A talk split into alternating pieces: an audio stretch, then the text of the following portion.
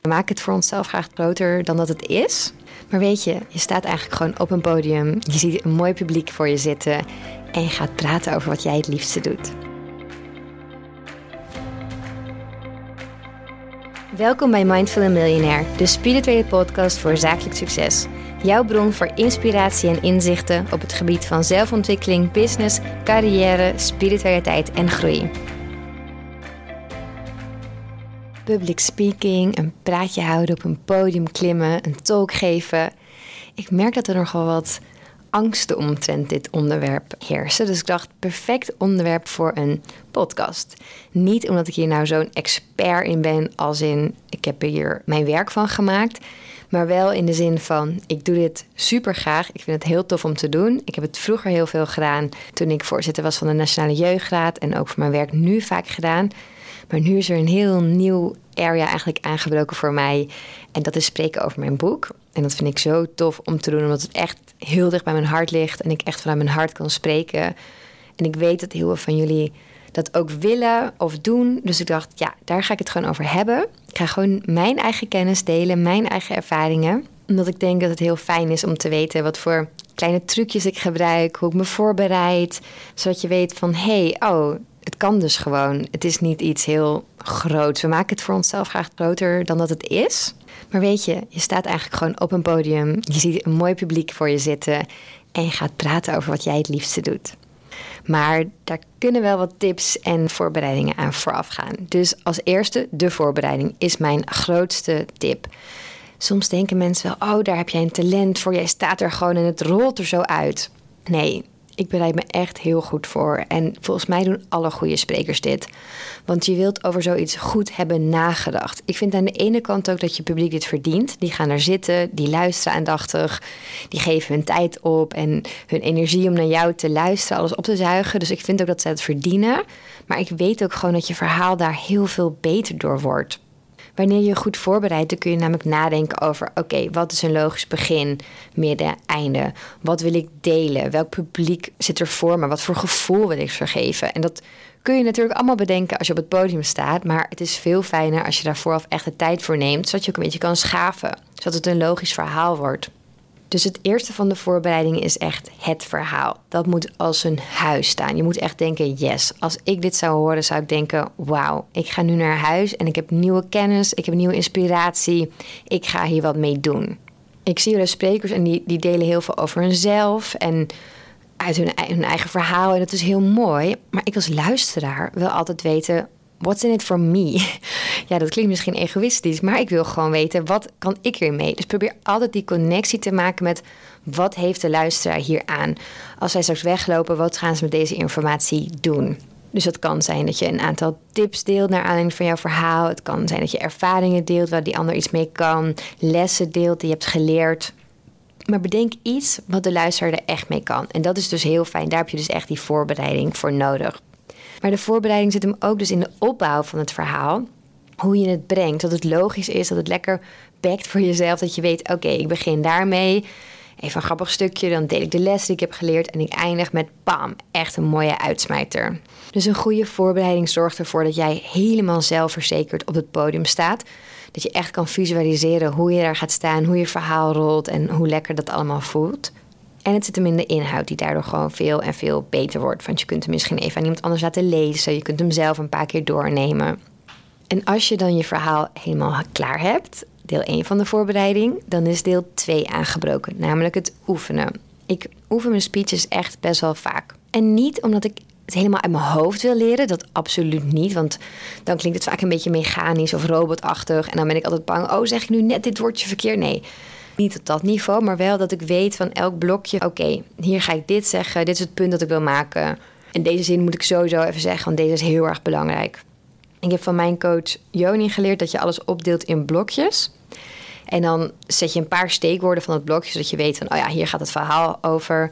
Dit moet ik even allemaal noemen. En dan een zin, een soort zin die de blokjes aan elkaar lijmt. Dus dat je weet, deze is echt belangrijk voor de overgang. En die zin zit ik ook, ik maak altijd van die kaartjes, die ik dan in mijn hand kan houden. Daar zet ik al die steekwoorden op en dan eindig ik met de zin, de lijmzin, die me naar het volgende blokje brengt. Want dan weet ik, die is echt belangrijk om te zeggen en die maakt het een logisch verhaal. Dus dat over de voorbereiding van het verhaal en hoe je dat gaat brengen. Ik vind het ook altijd super fijn om dit op te nemen. Want dan denk ik als ik terugluister: oh, ik praat echt best wel snel of best wel eentonig soms denk ik van, oh, ik ben al zo theatraal. En dan luister ik er terug en denk ik, nou, dat valt echt reuze mee. het is net of ik het gewoon voorlees. Dus dat is heel fijn voor jezelf om dan te weten van, oké, zo klink ik dus. En het mag allemaal waarschijnlijk nogal wat uitvergroot. Want je staat daar op zo'n podium. Dus het mag wel lekker theatraal. En ik snap dat die angst soms een beetje is van, oh, dat is misschien too much of zo. Die heb ik ook wel. Maar als je dan terugluistert, dan denk je, oh, nee, dit is best wel vlak. Ik mag er echt nog veel meer energie en emotie in gooien. Nog meer qua voorbereiding. Ik noemde het net al. Zijn die kaartjes. Die maak ik echt. En ik zorg dat ze lekker in mijn hand liggen. Dat ik ze goed kan gebruiken. Dat ze genummerd zijn. Zodat ik, weet je, als er iets gebeurt voor die tijd, ik ze nog weer even op volgorde kan leggen. En dit kost best wel veel tijd, maar tijdens het knippen en plakken en, en maken ben ik steeds aan het visualiseren hoe ik daar ga staan, hoe die kaarten in mijn hand, maar dat ik ze eigenlijk niet nodig heb. Dat ik een blik op werk en denk: yes, dit is echt mijn verhaal. Ik sta hier mijn verhaal te geven. Dus dat doe ik al een beetje along the way. Maar ik neem ook echt een moment, ga ik rustig zitten of liggen met mijn ogen gesloten om die hele speech te visualiseren. Dus hoe ik opkom, hoe ik daar sta, hoe het publiek naar me kijkt, in wat voor ruimte ik sta, wat ik dan nog meer hoor, hoe ik word aangekondigd. En dan ga ik echt helemaal denken: yes, ik heb hier zoveel zin in, het wordt geweldig. En daardoor is het voor mijn hersenen al gewoon alsof ik daar een keer heb gestaan. Dus dan wordt het minder eng de volgende keer. Dat is zo'n fijn trucje, maar het werkt gewoon echt. Het is heel fijn om je op die manier voor te bereiden. En het is ook gewoon heel leuk, want je doet eigenlijk die speech al een keer. Terwijl je helemaal niet zenuwachtig hoeft te zijn, want je ligt alleen op de bank. Maar voor jouw hersenen is het alsof je daar echt al staat. En als laatste voor de voorbereiding klinkt misschien oppervlakkig, maar is zo belangrijk hoe je eruit gaat zien. Ik zorg altijd dat mijn nagels goed gedaan zijn, want ik hou van met mijn handen praten. Maar dan moet het publiek wel iets leuks hebben om naar te kijken en niet mijn uh, afgestompte nageltjes. Dus ik doe een lekker kleurtje erop. Het jurkje of de kleding die ik aandoe vind ik ook heel belangrijk om over na te denken. Want ik wil iets waar ik lekker in zit, waar ik mooi in ben, maar ook vrij in kan bewegen. En dat gaat echt wel in die zin function over fashion. Ik had een hele mooie jurk laatst uitgezocht en toen trok ik hem aan en toen dacht ik: nee, nee, hier voel ik me echt niet vrij in. Hier ben ik bang dat ik zweetoksels krijg of dat ik mijn handen niet zo goed boven mijn hoofd kan doen. Terwijl ik, weet je, ik hou van grote gebaren maken. Dus dan wil ik ook iets aan waarin ik lekker kan lopen, lekker die grote gebaren kan maken zonder dat ik me belemmerd voel. Dus dat is heel belangrijk. Ik zou ook het liefst voor elke speech een keer de speech oefenen in de kleren en op de schoenen die je aandoet. Zodat je weet, oh, hier kan ik goed op lopen. Hier beweeg ik lekker in. Misschien denk je, ja, uh, kleding, boeiend. Maar je staat daar en al die ogen zijn op je gericht. Dus het is gewoon heel fijn dat jij je er helemaal lekker in voelt, op je gemak in voelt en vrij in kan bewegen. En heel eerlijk, er worden waarschijnlijk flink wat foto's en filmpjes gemaakt. Dus het is ook fijn als je daarna denkt: zo, ik zag er echt goed uit. Yes. Dan nog iets over de speech zelf. Want voordat ik er sta, dan heb ik al helemaal gevisualiseerd. Dus ik weet een beetje hoe het gaat eigenlijk in mijn hoofd.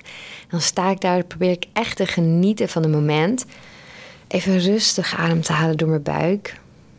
Dat doe ik allemaal dan voordat ik zit en word aangekondigd. Meestal is er nog een spreker voor of iemand die het inleidt, een presentator.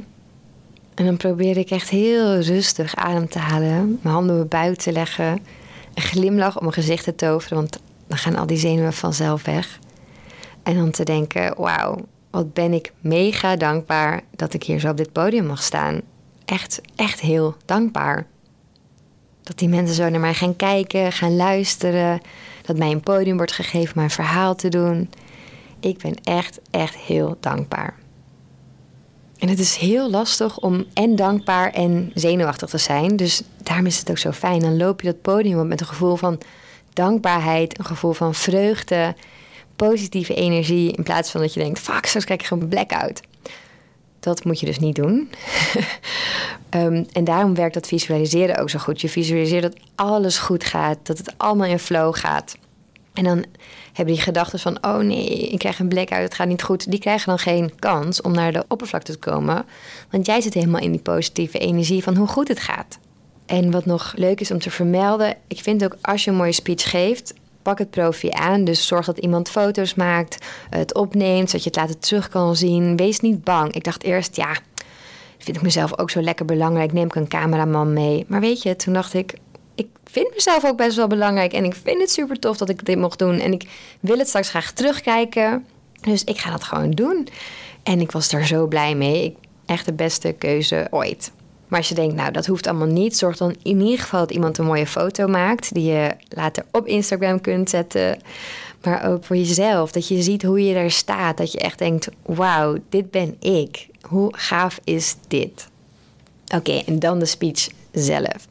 Zorg dat je goed even op beide benen staat, gegrond.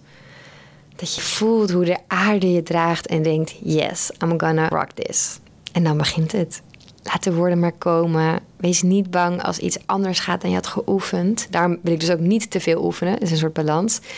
Waarschijnlijk komt er nog iets in je op dat je denkt: Oh, hier kan ik even een kwinkslag maken, een grapje. Of ik zie iets in het publiek. Laat het gewoon gaan. Laat het komen. Zie wat er opkomt in een moment. En echt het allerbelangrijkste is te genieten tijdens je speech. Want je publiek ziet dat. Die ziet van, wauw, die staat daar echt een potje te genieten. En dan geniet je vanzelf mee. En ook daarna, wees trots op jezelf, want je hebt het ook gedaan. Ga je niet focussen op al die kleine dingetjes die net niet goed vingen. Nee, focus je op het feit dat jij er stond. Dat het echt super briljant is dat je daar je verhaal hebt gedaan. Focus op de mooie woorden die mensen na afloop tegen je zeggen en geniet. Dus ja, heel kort zijn mijn tips eigenlijk. Bereid je goed voor pak het profi aan. Schakel hulp in als je dat fijn vindt. Ik heb dus een coach, Joni. En dat vind ik echt super fijn om mee te brainstormen. Je hoeft het niet allemaal alleen te doen. Visualiseer van tevoren, echt een belangrijke tip. Ook voorbereiding is een mooi pakje, mooie nageltjes, mooi haar, wat maar voor jou fijn voelt. En dan de allerbelangrijkste en laatste tip: geniet. Mocht je nu denken, ja, ik heb ook echt zin om te gaan spreken, tag mij dan. Mocht je binnenkort ergens gaan spreken, helemaal leuk als je me tagt en deze podcast hebt geluisterd. En dan wil ik je heel veel succes wensen met jouw sprekerscarrière. Je luisterde naar Mindful Millionaire, de podcast. Ik hoop dat deze episode je nieuwe inzichten, inspiratie en ideeën heeft gegeven. Mocht dat zo zijn, dan ben ik je super dankbaar als je deze podcast deelt, volgt, reviewt of een shout-out geeft op Instagram via Steffi Roos Dankjewel en tot snel.